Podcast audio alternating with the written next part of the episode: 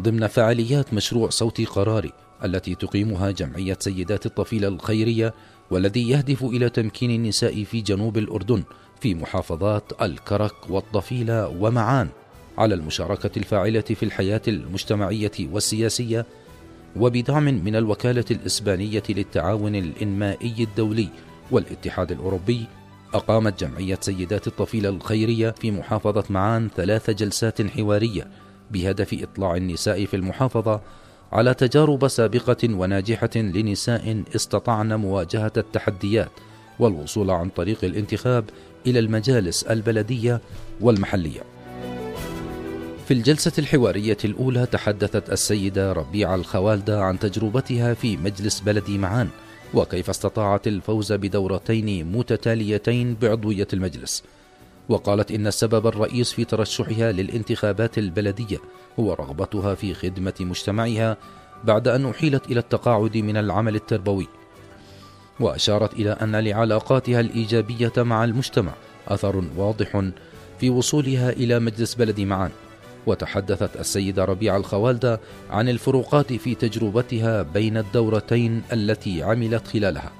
ففي الدورة الأولى كان لشخصية رئيس البلدية دور مهم من خلال سعيه إلى العمل الجماعي وخدمة المجتمع بشكل موسع مما أتاح لها المجال أن تكون أكثر فاعلية وقدرة على إيجاد حلول لقضايا تهم المجتمع المحلي إضافة إلى احترام وجود المرأة داخل المجلس.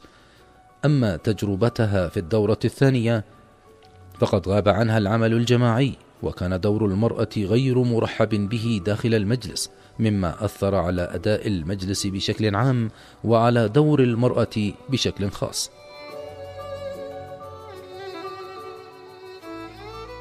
وعند سؤال السيدة ربيعة عن رغبتها في الترشح للانتخابات البلدية القادمة أجابت بأنها ستترشح للانتخابات القادمة وأنها واثقة بأن المجتمع يؤمن بقدراتها وحبها لخدمة مجتمعها.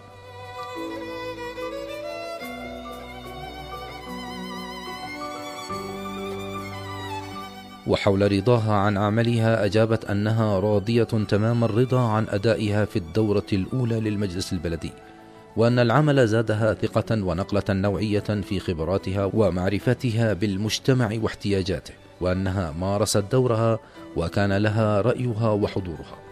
وحول سؤالها من قبل السيدات الحضور ماذا قدم لنا أعضاء المجلس البلدي.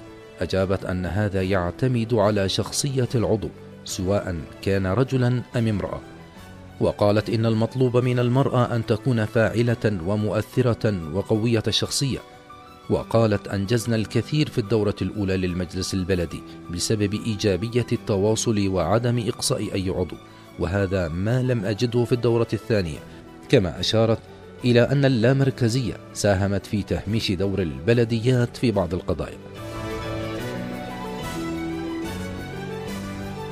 وحول نصائحها للسيدات الراغبات بالترشح قالت السيدة ربيعة على من تنوي الترشح للمجلس البلدي أن تكون قد عملت على نفسها مسبقا وأن تكون مثقفة ومتعلمة حتى لا تكون مستغلة وخاصة عند التوقيع على القرارات والموافقة عليها وأن تكون على معرفة بقانون البلديات ومطلعة وأن تكون على تواصل إيجابي مع المجتمع ولديها ثقة بالنفس. وأشارت إلى أن مجتمع معاني يدعم المرأة التي تمتلك مواصفات القيادة الإيجابية. في نهاية الحوارية أبدت إحدى السيدات رغبتها بالترشح للمجلس البلدي. السيدة عايدة آل خطاب كانت ضيفة الجلسة الحوارية الثانية بدأت الجلسة بإعطاء فكرة عن مشروع صوتي قراري والإشارة إلى أن الهدف من الجلسة الحوارية هو تسليط الضوء على دور عضوات المجالس المحلية والبلدية والمحافظة واستطلاع آراء السيدات الناخبات بإنجاز العضوات والرغبة بالترشح ودعم المرأة في العمل السياسي والانتخابات بشكل عام. بعدها أعطت السيدة عايدة آل خطاب ملخصا عن خبراتها وعملها في مجلس المحافظة وكيفية وصولها إلى المجلس بعد ترشحها وانتخابها من قبل المجتمع معان وقالت إن المرأة تبدأ العمل القيادي من البيت والنماذج القيادية تبدأ من الأسرة وأن على المرأة التي ترغب بالوصول لمواقع السلطة أن تكون جريئة وأن تمتلك صفات المواطنة الفاعلة. وأن تكون مثقفة وقوية الشخصية وأشارت إلى أن المستوى التعليمي للمرأة له دور مهم في العمل.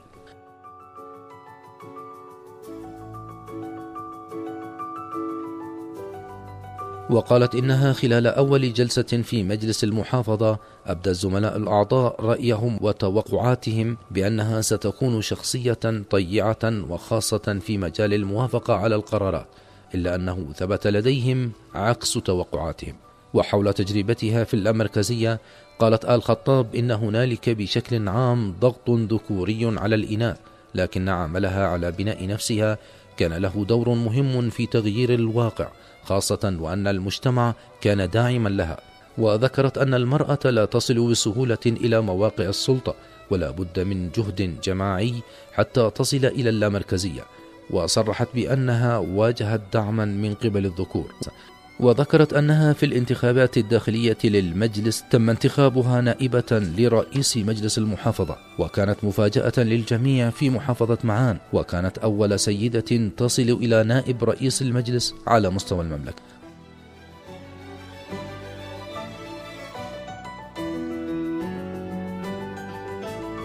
وحول التحديات التي واجهتها في عملها ذكرت بأن هنالك عدم ثقة بالمرأة وكانت هنالك محاربة من الزملاء الأعضاء في بداية العمل لكن النظرة تغيرت وأصبحت جزءا من استشاراتهم ووافقت على أمور ورفضت أمور وتحفظت على البعض الآخر للمصلحة العامة. واختتمت الجلسة الحوارية بتوصيات هي أن تعمل المرأة على نفسها وتخوض العمل المجتمعي وأن تنفتح على المجتمع وتتواصل بإيجابية.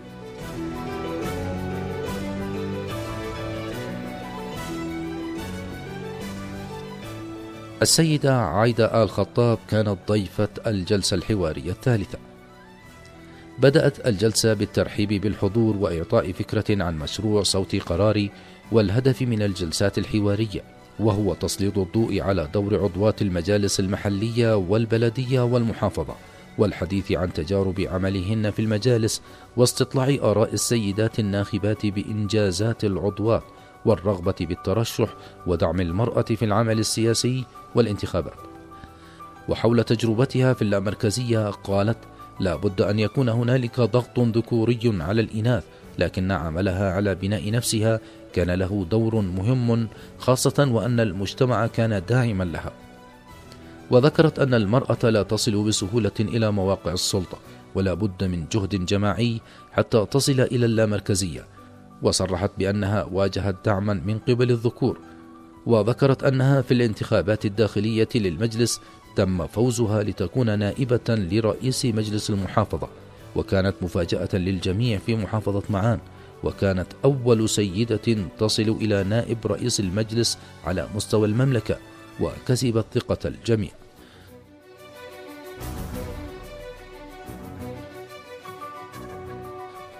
وحول التحديات التي واجهتها في عملها ذكرت بأن هنالك عدم ثقة بالمرأة وكانت هنالك محاربة من الزملاء الأعضاء في بداية العمل لكن النظرة تغيرت. وأصبحت جزءا من استشاراتهم وكانت توافق على أمور وترفض أخرى وتحفظت على البعض الآخر للمصلحة العامة. وقالت إن على المرأة أن تعمل على تنمية شخصيتها وأن تكون مقنعة عندما تعارض. وعند سؤالها عن الإنجازات أجابت إن مجلس محافظة معان حصل على أعلى نسبة إنجاز في عمل اللامركزية. وهذه الإنجازات ليست فردية وإنما هي جهد وعمل جماعي. تميز الفريق بالمتابعة المستمرة للوصول إلى الأهداف حتى وصلنا إلى بعض أهدافنا.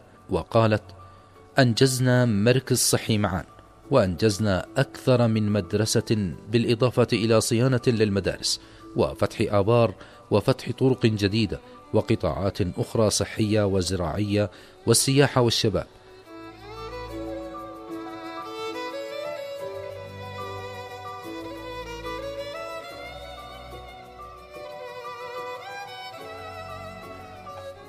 وحول تطلعاتها للمرحلة القادمة من الانتخابات أجابت بأنها ترغب بالترشح مرة أخرى للمجلس البلدي هذه المرة لأنها ترغب في التعامل مع الجمهور مباشرة وهذا أيضا يعتمد على موقف النساء منها ودعمها كعضو وقالت إنها تتوقع زيادة العدد المترشح من الإناث لأن المرأة أثبتت وجودها في المجالس بشكل عام. وعند سؤالها عن مدى وعي النساء لدور وأعمال مجلس المحافظة أجابت إن هذا المشروع ساهم بشكل ملفت في توعية المرأة وتسليط الضوء على دورها في المجالس البلدية والمحافظة. لكن على المرأة التي تعمل في هذه المجالس أن تكون ملمة وعلى وعي بدورها وخاصة الجانب المالي والقانوني حتى لا تكون مستغلة وأن هذه المعرفة كانت موجودة لديها مسبقا. من خلال عملها مديرة مدرسة ومعلمة ومشرفة تربوية.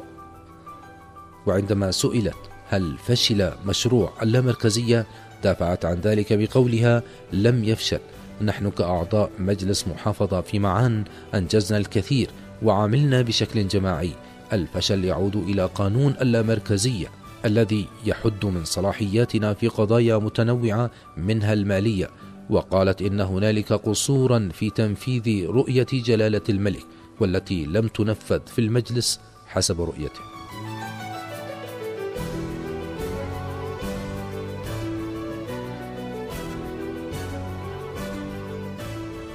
وخرجت الجلسة الحوارية بعدة توصيات هي أن تعمل المرأة على نفسها وتخوض العمل المجتمعي وأن تنفتح على المجتمع وتتواصل بإيجابية وأن تكون مطلعة على القوانين والأنظمة الخاصة بعمل المجالس وأن تكون لديها معرفة لجوانب القوة والضعف في شخصيتها والعمل على تنميتها والمعرفة باحتياجات المجتمع والدفاع عن الهدف بقوة وعدم التراجع أمام الذكور في قرارها خاصة إذا كانت تستند على الوثائق وأن تكون قوية في الدفاع عن الهدف وعدم التراجع أمام الذكور في قرارها خاصة إذا كانت تستند على الوثائق الجلسات الحوارية الثلاث شهدت تفاعلا كبيرا من قبل النساء الحضور واجماعا بأن تمكين المرأة في محافظة معان يحتاج إلى مثل هذه اللقاءات للاستفادة من الخبرات النسائية